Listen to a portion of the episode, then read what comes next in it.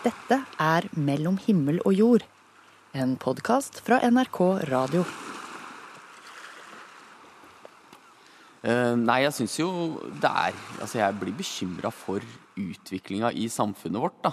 Altså hvis vi ser på Siden 2004 da, så har antallet etniske nordmenn i landet her uh, med etniske nordmenn som foreldre sunket med 4400. eh, Mens befolkninga som helhet har steget med en halv million. Så problemet her er jo at de, de formerer seg jo som rotter. Altså, de, de reira, det tyter jo ut. Det blir bare flere og flere. Og dette kommer bare til å fortsette og fortsette. Hvordan ville du ha reagert hvis en av dine venner skrev det her på Facebook-veggen sin? Det her var nemlig meninga som min kollega her i NRK, Ludvig, ga seg ut for å ha. Dette var jobb. Og så eh, Jeg ville lage en film som handla om hvordan man forholder seg til mennesker som utvikler ekstreme holdninger. Og for å finne ut det, så fremsto Ludvig Løkholm Levin som ekstrem sjøl, mer og mer, og Ludvig han starta det hele på Facebook. For da tar jeg litt sånn Hm, jeg pleier jo ikke å mene det samme som denne fyren, men jeg gjør det visst allikevel. Jeg tenker at det er en, det er en moderat troverdig start. Skal jeg bare trykke på post? Da var jeg eh, litt sånn eh, redd for eh, eh, hva folk ville tenke om meg, rett og slett, da. Han allierte seg med folk som veit hvordan en sånn radikaliseringsprosess som han nå skulle gå gjennom, ser ut fra utsida, og fulgte oppskrifta. Han ble mer og mer ekstrem i holdningene sine. Og helt til slutt så så så jeg på flyktningene som kom som en invasjon. Altså konspirasjonsteorier om at strømmen av mennesker som kom på den tida vi lagde filmen, eh, var en del av en villet invasjon fra en arabisk imperialistisk makt som er litt sånn udefinerbar. Men altså, så var det her med reaksjonene fra folk. Du, du merka Hvordan merka du først at det har skjedd en endring i hvordan folk forholder seg til det? Eh, Jeg merka at eh, folk begynte å unnvike meg, rett og slett. Eh, Nabo var egentlig den første jeg merka som bare slutta å hilse. Eh, Og ganske mye tidligere i prosjektet enn det jeg skulle trodd, så merka jeg at folk begynte å trekke seg unna meg, rett og slett. Vi kan høre litt fra et avdelingsmøte som du var innkalt til. Eh, og jeg tenker at altså med altså NRK står i fare for å liksom bli stempla som ARK, en enhet, liksom. Sosialistenes håndklanger, blæ, blæ, blæ, blæ, blæ, liksom. At det er en fordel at man mener forskjellige ting, da. Altså at det er meningsflora, og at det skal være greit, da. Og særlig liksom når kanalen liksom skjønnmaler og snakker om flyktninger som et gode hele tida. Noe det ikke nødvendigvis er. da. Jeg er ikke helt enig i at det er en skjønnmaling. Her eh, ser vi på bildene, da, kan vi jo si til dem som ikke har bildene foran seg her, at uh, det er ganske sånn kjølig holdning mot deg på avdelingsmøtet. Det er ganske mange folk, og du står veldig alene i, i kroken der og prøver å forsvare deg. Hvordan hadde du det her? Eh, Ja, det var eh, veldig, veldig intenst.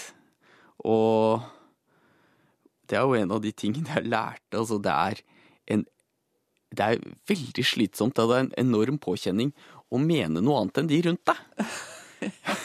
Nemlig. Og det, er- det syns jeg er veldig interessant, da. Eh, og jeg, jeg merker jo også det er De mekanismene slår jo inn hos meg også. Altså Hvis jeg møter folk som er uenige, og så, vi er såpass uenige at jeg opplever det som litt ubehagelig, så vil jeg bare Jeg vil bare gå et annet sted. I filmen ser vi Ludvig begynne å slite på ordentlig. Han blir fryktelig stressa av å være i åpent kontorlandskap.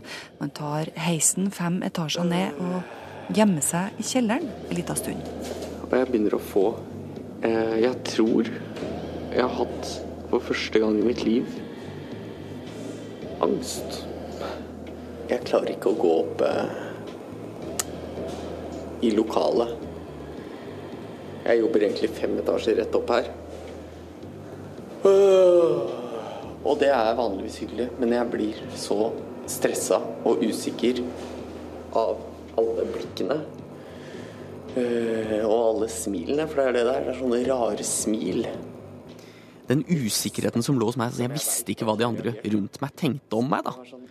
Eh, det gjorde at jeg trakk meg unna. Eh, altså det letteste, minst slitsomme for meg, var å være alene. Uh, og det er jo klart at hvis dette hadde vært en ekte radikaliseringsprosess, så hadde jeg jo oppsøkt likesinna. Mm. Altså enten ansikt til ansikt eller på nettet. Mm. Det er jo klart det, men altså akkurat den, den muligheten hadde ikke jeg, da. Nei. Men hvem var det som visste det, da? Det var jo naturligvis redaksjonen min på jobb. Ja. Også sjefene. Og så var det kjæresten min. Men søstera til Ludvig og mamma visste ingenting. Familien begynner å stille spørsmål. Hei, Ludvig. Det er mamma. Jeg tenkte jeg skulle høre hvordan du hadde hatt det i Kristiansand, men også høre hvorfor du har lagt ut det på Facebook som du har. For det sjokkerte meg ganske mye. Du kan jo ødelegge omdømmet ditt helt for å legge ut sånt. Hei så lenge. Hun visste ingenting. Nei. Men uh, man tenker jo liksom at uh, at mammaen og pappaen kjenner deg veldig godt, da. Mm. Uh, og kanskje gjør de det også. Så jeg hadde jo kanskje trodd at de skulle skjønne at det var et prosjekt jeg jobba med, men det var ikke tilfellet. Familien trodde på det, og flere av mine nærmeste venner eh, trodde virkelig på det. Og det var virkelig en av de mest skremmende tingene jeg, jeg opplevde, var at det gikk opp for meg hvor skjøre en del av relasjonene er, da. Og så søstera mi skrev til meg etterpå at uh, hun var i Russland og studerte da dette foregikk, så jeg hadde ikke fått snakka med henne. Men hun hadde jo fulgt hele prosessen på Facebook. Mm. Uh, og hun så for seg en uh, mer perifer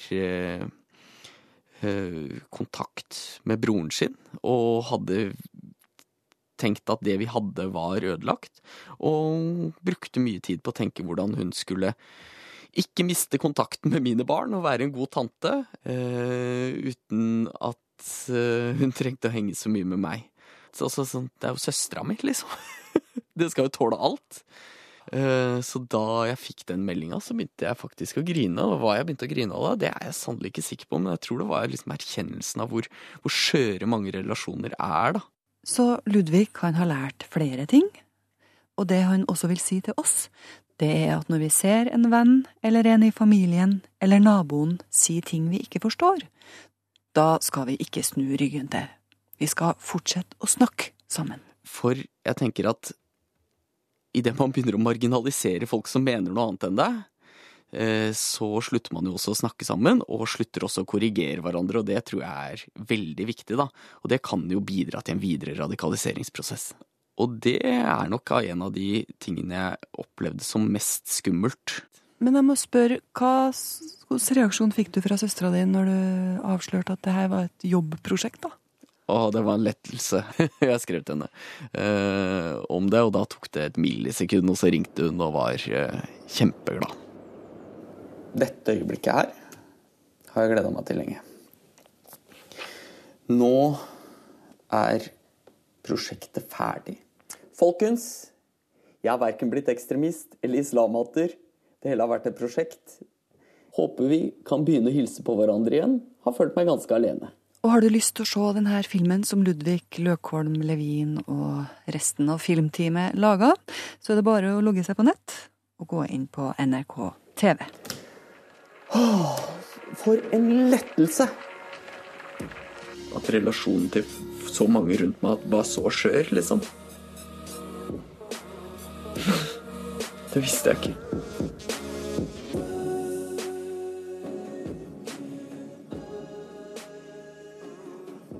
Og det var Margrethe Nåvik som hadde snakka med Ludvig Løkholm Levin. God kveld. Det er problem vedrørende hørsel og hørselstap vi skal ta opp til drøfting i kvarteret vårt denne gangen. Ja, nå lurer du kanskje på hvorfor et innslag om dårlig hørsel har fått plass i Mellom himmel og jord. Du som har levd ei stund, du dreg muligens kjensel på stemma til Hans Olav Tungesvik. Psykiater, språkmann og tidligere stortingsrepresentant for KrF. Og her hører vi han som radiolege i et kvarter med legen som gikk i NRK radio fra 1970 til 1976. Nedsett hørsel er ikke noe uvanlig fenomen mellom mennesker i dagens samfunn. Rett før sommerferien så fikk jeg en telefon fra den nå 80 år gamle Hans Olav, som gjennom et langt liv har hjulpet de som trenger det. Men nå så vil han gjerne fortelle hvordan han kom gjennom en vanskelig periode av livet ved hjelp av barnetrua. Kan du komme litt nærmere mikrofonen? Det kan jeg vel. Dreie den litt òg, ser jeg. Den Ja. er bevegelig. Er den bra nå? Nå er kjempefin. Helt topp. Eh, Da jeg var tenåring et, omkring konfirmasjonstida, så var det ei stor vekking i heimbygda mi Skånevik. Det var en amerikansk pastor Amundsen som kom. Det var soknepresten vår som hadde invitert han.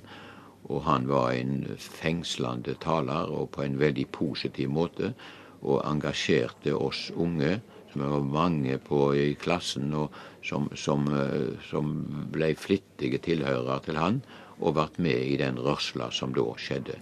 Og jeg fikk ei forankring, som jeg kan kalle det, som har vært viktig for meg i alle år seinere. For, for noen som ikke har opplevd et kall, hvordan vil du skildre det?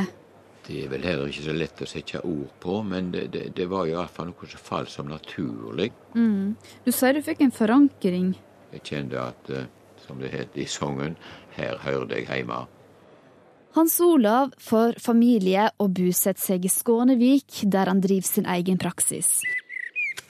Han elsker å stelle i hagen, gå lange fjellturer, og han holder ofte foredrag rundt omkring i landet. I 2004 så merka han at eh, alt ikke er sånn som det skal være. Jeg var på en ferjetur, jeg hadde vært ute og hadde et foredrag og, og hadde et behov for en tur på toalettet. Og da var det rødt, det som pleier å være gult. Så det var jo ei veldig, skal vi si, om ikke sjokkerende, så iallfall overraskende oppleving. Han får eh, påvist en aggressiv form for prostatakreft i mars 2006. Han er overraska over hvordan han tar beskjeden. Eh, Jeg, ble jo overraska sjøl at jeg kunne ta det med slik sinnsro. At det er jo ei oppskakende melding å få med aggressiv form av kreft. Og da tenker en jo på døden som det aller første. Men, eh, og, og det gjorde jeg nok. Men, men eh, jeg forundra meg sjøl over at eh, jeg kunne ta det så rolig. Jeg fikk jo melding midt i en psykoterapitime. Vanligvis pleide jo ikke min sekretær å bryte av i en slik time, men hun banka på døra og sa det var en viktig melding fra urologen. Og da fikk jeg beskjed om dette som jeg har referert til, og så gikk jeg tilbake til pasienten og helt fram med psykoterapien. Hans Olav begynner å skrive dagbok for å sortere tankene. Notatene blir til slutt eh, til ei bok når kreft gir kraft. Det mangt av det jeg opplever gjennom dagen, blir mer meningsfylt. Jeg har kommet til at den opplevelsen nok også har sammenheng med at jeg for tidlige ungdomsår har hatt med meg ei enkel og barnlig Kristustru. Det innebærer ikke at jeg er fri for perioder med tvil og uvisse, men i hovedsak opplever jeg dette som en trygg grunn i livet mitt. Jeg har visst hvor jeg har min forankring. Jeg er i Herrens hender, i alt som med meg skjer.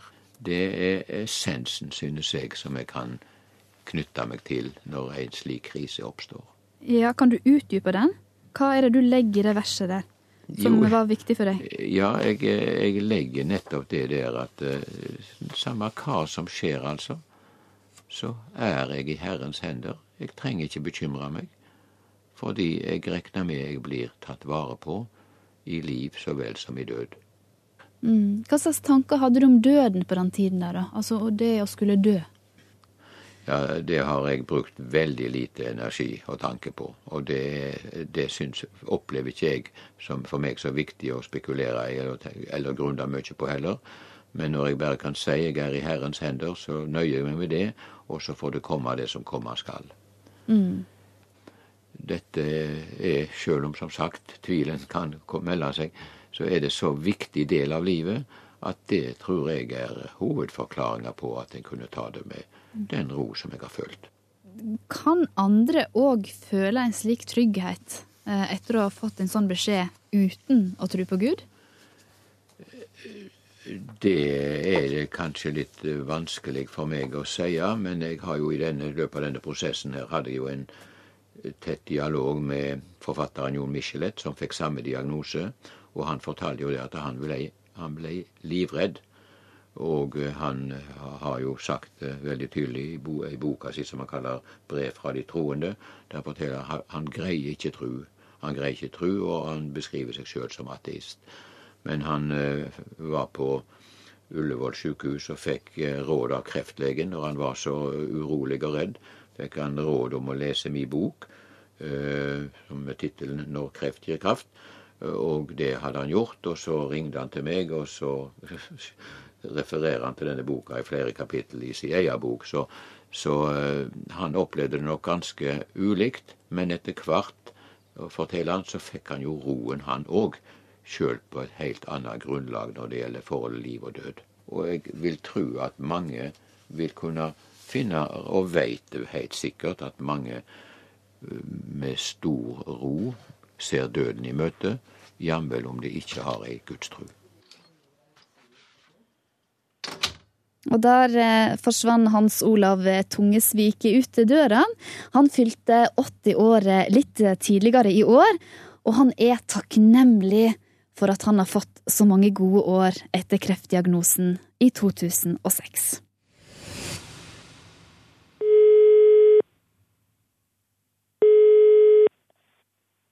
Hei, hei, det er Agnieszka Bryn.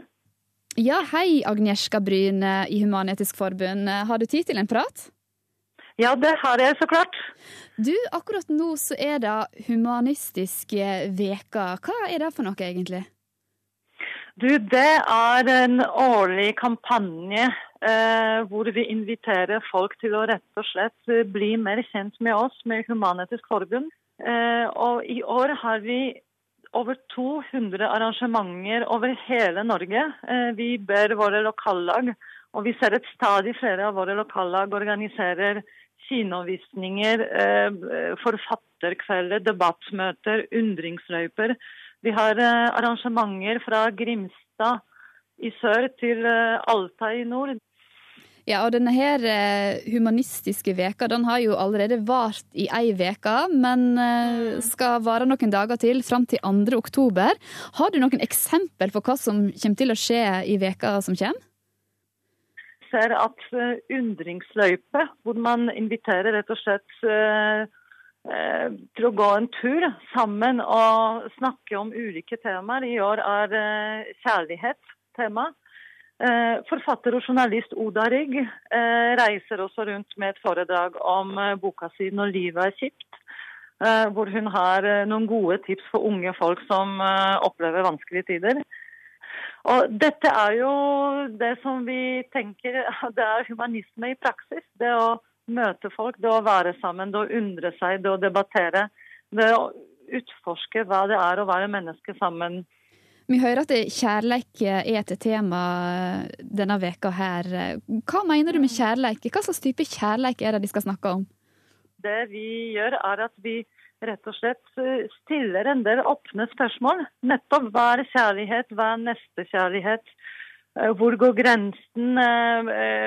Hva er viktig? Det å elske oss selv eller andre? Hvor langt er man villig å gå? Og hele konseptet går nettopp ut på det at de som er med, skal kunne utveksle meninger, skal kunne snakke om det. Skal undre seg, skal bli klokere kanskje få noen nye tanker etter at de har vært sammen og snakket om temaet. Mm. Vi gir ingen svar, men vi stiller spørsmål. Ja, og i veka som kommer så er det altså flere lokallag rundt omkring i hele landet som arrangerer diverse arrangement. Tusen takk skal du ha for praten, Agnieszka Bryn. Og så må du lykke til da med videre humanistisk veka. Tusen takk. NRK P1. Og så skal vi stille et spørsmål nå. Eh, spørsmålet det er som følgende. Kan en tro på et flygende spagettimonster som skapte verden? Ja, den kan du jo tygge litt på. Det hellige flygende spagettimonsterets kirke det er nemlig godkjent som et uh, trossamfunn i flere land. Og nå mener en religionsforsker at eh, trossamfunnet, ja, det må godkjennes her i landet òg. Facebook-gruppa til kyrkja har over 1400 medlemmer. En av dem er Camilla Elverum. Vi tror at det er hans selvnuddelhet som skapte verden sånn som den er i dag. Han skapte pirater, og han skapte de kortvokste, som er hans spesielt, hans spesielt utvalgte. Han skapte øl, han skapte himmelen sånn som den er, med ølvulkan og stripperfabrikk.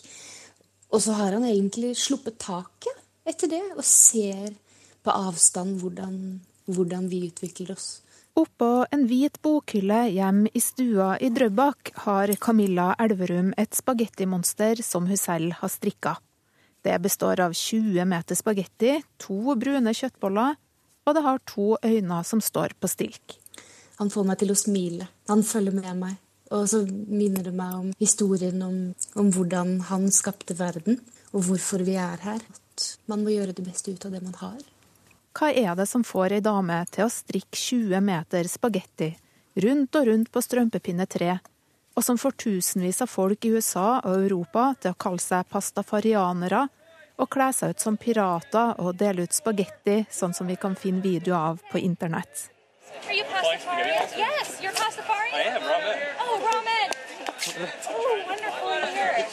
Det som, det som, slo meg, var den, den, humoren og livsgleden som de allerede medlemmene viste. En enighet om, om livet og hva ting betyr. Og et ønske, en felles ønske om å gjøre verden til en bedre plass. Og diskutere filosofi og drikke øl og spise god mat og bare ha det hyggelig med hverandre. Hark, eat the sauce, tomato sauce, spaghetti balls, sweet meaty balls, strippers and beer, spreading good cheer. Ideen om at verden er skapt av et spagettimonster oppsto i 2005 som en protest mot at det skulle undervises i såkalt intelligent design i skolen, som et alternativ til evolusjonsteorien. En tidligere fysikkstudent skrev et åpent brev til Utdanningsetaten, hvor han presenterte sin egen intelligent design-teori, nemlig at to kjøttboller med spagetti til armer og bein står bak alt liv. Det forteller professor i religionsvitenskap Dag Øystein Endsjø den er jo også ironisk i sin teologi også. Det er jo da forestillinger om en himmel hvor man bader i øl, og hvor man kan se masse uh, hygge seg med nakne mennesker av det kjønnet man er tiltrukket av, osv. osv. Så, det er en sånn ønsketenkning som er tilpasset veldig godt dagens moderne liv. Eh, spørsmålet er jo i hvilken grad faktisk noen tror på dette, og det er jo da mer usikkert.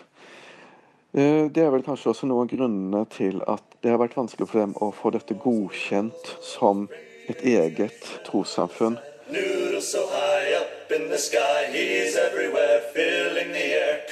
Det hellige flygende spagettimonsterets kirke er anerkjent som trossamfunn i flere land, bl.a. New Zealand og Nederland. Men da Camilla Elverum søkte om å få kirka registrert i Norge for tre år siden, fikk hun avslag i alle instanser. De så på vår religion og vår tro som satire, eh, hvilket jeg selvfølgelig ikke er enig i. Det er dumt og kjennes veldig urettferdig at noen skal stemple min tro som annerledes. Men nå ligger det nok en sånn søknad på bordet hos fylkesmannen i Rogaland. Den kommer fra en mann i Sandnes som ikke vil bli intervjua før han får et vedtak. Men for at Spagettimonsterkirka skal bli anerkjent som et trossamfunn, kreves det ifølge loven og definisjonen av hva en religion er, at man tror på en skjebnebestemmende makt, og at tilhengerne innretter livene sine etter denne forestillinga. Professor Dag Øystein Ensjø håper søknaden går gjennom. Det er ikke selvsagt at man bare skal kunne fornekte og si at nei, Eh, dette er ikke en religion, fordi det er usikkert på om man faktisk tror på de mytene. Men bak disse mytene så ligger det jo da forestillinger om eh, at man skal behandle folk med respekt, at man skal være tolerant for hverandre, og at man skal prøve å gjøre det beste ut av livet her og nå, med et håp om det kanskje blir enda bedre i ettertiden. Hva tror du om Mm. sjansene for at eh, søknaden går igjennom? Jeg håper at den vil gå igjennom. Så, og dette hvorvidt altså folk akkurat tror på disse mytene. Men det kan man jo spørre hvor mange egentlig tror på myten om eh, Adam og Eva og syndfloden i Den norske kirke. But it is still important to take time to celebrate with family, with friends, in pirate costume, and with rum. Those are my terms. Det vi hørte her, er den første bruden som har gifta seg i regi av Spagettimonsterkirka. Hun har på seg piratkostyme i bryllupet, som fant sted på New Zealand tidligere i år. Og det er nettopp sånne begivenheter som gjør at det er så viktig å få kirka registrert som trossamfunn, sier Camilla Elverum. Det jeg ønsker meg, det er vigselsrett. Og det jeg ønsker meg, er at vi skal kunne ta med oss Hans hellighets budskap inn i de viktige situasjonene i livet. I dåp og i eh, bryllup. Kanskje til og med i begravelser. Det å kunne eh, markere vår tro på samme måte som andre trossamfunn. Men kan du forstå at uh, man kan se på det her uh, som et utslag av ja, satire, som de sier, eller eh, at det bare blir en parodi? Nei, for da må man se på hva som er eh, sannhetsgrunnlaget for, for religioner som helhet. Man kan ikke skille ut bare én. Ja, det kunne altså Camilla Elverum si til reporter Lise Sørensen. Det hellige flygende spagettimonsterets kirke er altså godkjent eh, som trossamfunn i flere land, og nå så gjenstår det å se om eh, trossamfunnet blir godkjent her i landet òg. Hei, jeg heter Marit Johansen, og jeg bor i Trondheim. Og jeg har tro på mennesket. Godhet. Hva er godhet for noe, da? Det, det kan være eh, veldig mye, det. Ifra eh, at et menneske ser deg og bryr seg om deg. Og bare det å gi en klem, et smil, betyr veldig, veldig, veldig mye. Hvordan er det du ser andre mennesker, da? Det gjør jeg på mange måter. Jeg ser eh, eh, Jeg tenker på dem som tiggerne i Trondheim. Jeg har ikke mye å gi dem, men jeg har et smil å gi. Jeg ser det mennesket. Jeg kan stoppe opp og snakke med det. Og, og likeens eh, kan jeg eh, snakke med fremmede folk på, på trikken og bussen og, og uansett, da. Og, og ha omsorg med familien min og ungene mine. Og jeg vet, jeg får så mye tilbake da, vet du. Hva får du tilbake? da? Det, da får jeg omsorg tilbake. Og, og får høre at jeg er god. Ja. Hva er det beste å oppleve av godhet? Det er det at eh, jeg får høre det at du er god, du, Marit. Du, du, eh, det er så godt å, at du tenker på meg. Og selv om jeg har sett deg på, på mange år, så vet jeg det at du, du føler samme godheten for meg fremdeles. Og i og med at, at vi, det er mange avstander, lange avstander me- mellom oss venner, da. For at jeg bodde jo i Bodø eh, når jeg, når jeg var ung, og traff gode venner der. Men vi er på Facebook sammen. Og Facebook, det må jeg si at det er veldig bra ting. Der får jeg godhet hver dag. Det, får jeg, det er veldig raust eh, og godt samfunn, syns jeg. Hva gjør godhet med mennesket, tror du? Det å oppleve godhet. Ja, hvis du, hvis du eh, gir noe av deg sjøl til et annet menneske, så gir det mennesket godhet tilbake. Enten til meg eller til et annet menneske. Og det baller på seg. Ikke sant? Men hvis du slår et menneske, eller eh, sier stygge ord til et menneske, så får du ha tilbake. Du, eh, det eh, fører ikke noe godt med seg. Det er godheten som kan redde verden. Det er det. NRK P1.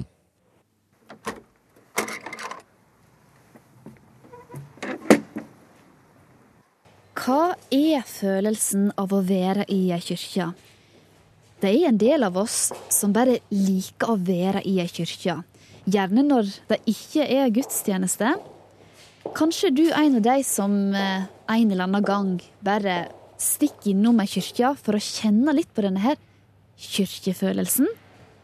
I Nidarosdomen så møtte vi en som liker nettopp det.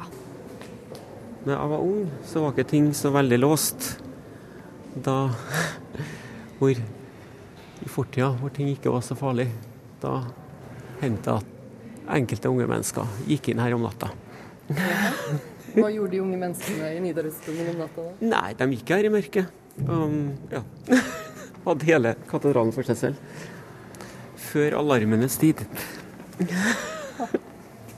Hvordan føltes det da? Nei, det var ganske spesielt å ha en, eh, et katedralrom for seg selv. Men det var en annen tid. Uh, definitivt. Så det er mye, mye rart som skjedde på sent 70-tall og tidlig 80-tall i Trondheim. Det er fremdeles turistsesong, så han er ikke akkurat aleine i Nidarosdomen i dag, Harald Nissen. Han er historiker, artist og aktivist, kjent fra trondheimspolitikken. Nå sitter han i Oslo bystyre for Miljøpartiet De Grønne. En eh, danna anarkist som har et eh, grønt samfunnsengasjement, og som eh, ja, egentlig ganske nysgjerrig fortsatt bare på livet og, og omgivelsene. Og, og kirker. For ei stund siden blei Harald Nissen portrettert i en avis. Der sier samboeren hans at han er en jernbanenerd som liker kirker. Og derfor står vi her nå, for å høre litt mer om det der med kirkene. Om kirkefølelsen. Jeg har jo vokst opp i Trondheim med Nidarosdomen, men jeg har jo også vokst opp med alle de småkirkene rundt. Og så hadde jeg en far som var mer enn normalt historieinteressert. Så han eh, tok med oss rundt og skulle se på sånne gamle gravmæler og gamle tavler og alterskap og ja, prekestoler. Og da er det enten så, så får du nok av det og går aldri inn i det, eller så kobles det på og syns faktisk det var ganske fascinerende. Og datt vel i andre grøfter, så jeg syns det var ganske fascinerende. og derfor oppsøker jeg og går inn i en kirke hvis det står en åpen dør, og det hender jo også at jeg jeg har vært på villturer med familie eller kompiser. Da stopper vi i en kirke. Så I Norge så må du gjerne gå til, til den lokale presten eller en kirketjener og få låne nøkkelen og låse deg inn. og Det er jo litt sånn fascinerende. Der står du alene i det store rommet. det er noe med arkitekturen, akustikken, med historien og arven. Det er én romløsning som man har prøvd å løse gjennom nesten 2000 år i Europa. Det, det er kult.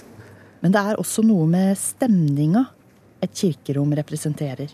Enten det er 1000 år eller helt moderne. Den dannede anarkisten liker å oppleve det rommet. Det er noe som, som, som er vanskelig å sette ord på, som ligger der, men det som det gir en Folk får en, følelse av et eller annet storhet, eller på en måte at det blir overvelda.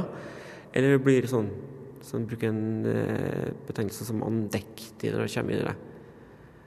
Så det er jo vel en måte for meg å Det har jo et religiøst element i seg. Eh, det er jo plass hvor folk oppsøker Gud, ikke sant. Det er jo det som er lagd til, men samtidig så er det jo et rom for kontemplasjon. altså Du trenger jo ikke å være religiøs for å gå inn i det. Det er det her behovet for, eh, for ro. På en måte det klareste, stille rommet vi fortsatt har i vår kultur. da, Hvis vi ikke går på sånn yogasenter eller noe sånt. Der, ja. så, så er det faktisk kirkerommet. Det er dødsviktig for oss også i dag å ha sånne rom. Så om du har en religiøs tilnærming til å gå i en gudstjeneste, eller om du har en, en, en tilnærming til at du bare opplever tradisjonen, det kan jo være litt vekslende for nordmenn i dag, da. men jeg tror også det er viktig de også på en måte ha noen sånn kontinuitetsbærere, ritualer. Eh, altså folk, folk, trenger trygghet. Liksom det er færreste som klarer å leve sånn såkalt frie liv hele tida. Det er bare tull. Eh, for dem som sier at de klarer å gjøre det. For det, det klarer ingen. Og da er kirkerommet en av de her stille sonene som, som, er viktige for oss som individer. Den kirkefølelsen, hvor, hvor, kjenner du den hen? Er det i magen? Er det? Hvor er det? Jeg kjenner den i um, Jeg kjenner den i hele kroppen. Det setter seg på en måte det, det, Jeg skal ikke si at det er en sånn teppe som legger seg over deg, men det, det er en sånn litt roligere tempo. Sett deg forsiktig, kanskje litt mer forsiktig på stolen hvis det står en stol der, f.eks. Og setter deg midt i kirkerommet på en benkerad og sitter der og ser litt og sånne ting. da. Den her Det med å stoppe opp, da. Eh, og det er kanskje en moderne måte å forholde seg til, til, til kirkerommet på. Eh, sånn Gudstjenesten for et par hundre år siden det var jo like mye en sosial eh, begivenhet som det var hør han presten som sto og snakka der, og folk kanskje drev på å slåss på kirkebakken og sånne ting. Så jeg skal jo ikke sånn, dra den for langt, men altså, jeg må jo snakke ut fra, fra, min posisjon som på en måte et moderne menneske. da, en ettermoderne tid i Norge, liksom, hvor vi fortsatt har de rommene her. Men også på en måte for jeg føler at det er norske kirkebygg representerer en kontinuitet, hvor jeg altså på en måte, det er noe av meg som, som norsk, da, på en måte. Tror du på det presten sier i kirkerommet? I, det spørs på du, hvordan du legger det. Jeg har eh, Jeg er vel eh, Jeg skal ikke si at jeg er agnostiker. Jeg har vel et sånt uh, religiøst sånn fundament. Det har jeg. Men um, jeg er ganske åpen og leser litt sånn jevnlig og tenker over en del ting. For å være litt ikke helt presis. Uh, uh, ja. Det, men det tror jeg altså, det er veldig mange som har, som, har tilnærming til, til kirkerommet. At det er nødvendigvis ikke noe religiøst i det, men at det, det gir dem noe som bare intellektuelt og estetisk og ja. Det er en protestantisk katedral. Det er jo en sånn eh, Ja, det er litt spesielt, men jeg det er en, og det er en veldig mørk, mørkt kirkerom, men uh, det kan, passer kanskje for oss på en måte også, altså. Ja, det er jo Det løfter jo det. Det, jo, du står jo her under tårnet. Liksom det bare forsvinner jo opp i intet, på en måte. altså. Det gjør deg litt andektig. Du møtte politiker og historiker Harald Nissen og reporter Ragnhild Sleire Øyen. Og så skal vi høre om eh, en katt som har berga matmor sitt liv opptil flere ganger. Katten Frøya hun har de siste 16 åra hindra matmor Inga Dalsegg fra å ta sitt eget liv. En svart katt med grønne øyne får pelsen børsta av sin matmor gjennom de siste 16 årene det er jo litt med, med, dyr da, at det er jo kun da du får betingelsesløs kjærlighet. Uansett hva du gjør, så er hun like glad i det. Uh, uansett om du har en dårlig dag eller ikke, så er du uh, like populær. Det sier Inga Dalsegg, noen og 40 år gammel kunstner som fikk diagnosen kronisk posttraumatisk stressyndrom etter at tvillingsøstera og en god venn ble drept av noen de alle kjente godt for 20 år siden sånn som oftest så fungerer det jo helt fint. Jeg driver jo eget firma. Jeg har jobber langt mer enn folk flest. Jeg er veldig aktiv og har, holder på med mye forskjellig. Men samtidig så er det jo sånn at uh, mindre ting da, og stress kan påvirke meg mye mer dramatisk enn det gjør med andre mennesker. Så jeg kan få en ganske sånn kraftig nedtur av ting som andre folk hadde kanskje bare blitt litt irritert eller lei seg over. Men du har mange bilder av hva? Ja, veldig mange bilder av Frøya. Mer enn her. Der er vi på sparktur. Inga sitter med datamaskiner og viser bilder av Frøya. Som ligger i sykkelkurva, er med på å pakke inn julegaver og måke snø. Og hun er også med når Inga maler på atelieret sitt, blant annet. For Frøya er med på det meste, både på opp- og nedturene i livet til kattemammaen sin. Det har jo vært hos flere ganger som har holdt meg fra å hele tatt avslutte det hele. Fordi tanken på at Frøya skal da være igjen her og ikke skjønne hvorfor jeg er borte, eller at Frøya skal være her med, med liket mitt, da, for å si det sånn. Eh, hvor lang tid det enn tar før jeg blir funnet, eh, det også har jo vært sånt som har stoppa meg. Du blir litt utsatt for det? Nei, nei, rett og slett. andre mennesker de tenker, har alltid nå så Klart du tenker ikke så mye logisk da, når du er tungt deprimert. Men så tenker du det er litt mer Ja, ja, andre mennesker de kan forstå det. Eh, det kan forklares. Men Det kan jo ikke Frøya. Hun er katt. Skal du ha en liten godbit, Frøya? Sånn. I dag har Inga det godt. Det er to år siden sist hun følte at livet ikke har noen mening lenger, og at Frøya er den eneste som ville brydd seg om at hun var borte. For ideen om å avslutte livet er ikke utslag av egoisme, sånn som mange tror, forklarer Inga Dalsegg. Når, når, du har det sånn, da, og bare tenker at alt det du gjør er meningsløst og bortkasta, og du bare er i veien og du er til bry for alle, så avslutter du ikke livet fordi at du er egoistisk, du gjør det jo fordi at du tenker at det her er en lettelse for alle rundt meg, at jeg forsvinner. Så det har jo ingenting med egoisme å gjøre, det har rett og slett å gjøre med enorm psykisk smerte. At du er så Du er i en avgrunn der du ikke ser noen vei ut, det er ikke noe lys noe sted. Negative egenskaper snakker altfor mye, psykisk ustabil, altfor sta, tror jeg alltid har rett, har uforutsigbar økonomi, en gang Inga var skikkelig langt ned, laga hun ei liste over sine negative og positive egenskaper. Og jeg brukte omtrent fem minutter på å lage ei lang liste over alle mine negative egenskaper. Og i løpet av en time så greide jeg å komme på ca. 1,5 positiv. Rimelig OK til å lage mat. Altså ikke håpløs med kappsag eller spikerpistol. Frøya ville jo naturligvis ha ment på en god dag at det er en fantastisk kattemamma. Sant, Frøya? Eh, men det er jo bare sånn samtidig så er jo jeg reflektert nok og har vært vant nok til å være både opp og nede. At jeg ser at det her er sant når jeg, har, når jeg er nede i, en, eh, på, i avgrunnen. Da. Så er jo det her sant i mine øyne. Eh, pluss at den der øverste, den første lista kunne vært mye lengre, naturligvis. da. Mens på en mer normal dag, eller på en oppturdag, så er jo lista helt annerledes. Inga tar ost ut av kjøleskapet for å gi til Frøya. Dette samspillet med katten betyr mye for henne, og hun tror flere i hennes situasjon kan ha nytte av et kjæledyr. Det er jo også noe med det her med å ha noen som er utrolig glad når du kommer hjem. Noen som er lykkelig når du står opp om morgenen, og som trenger din omsorg, da. Så jeg tror jo at eh, det kan være en eh, viktig ting for mange deprimerte. Mm.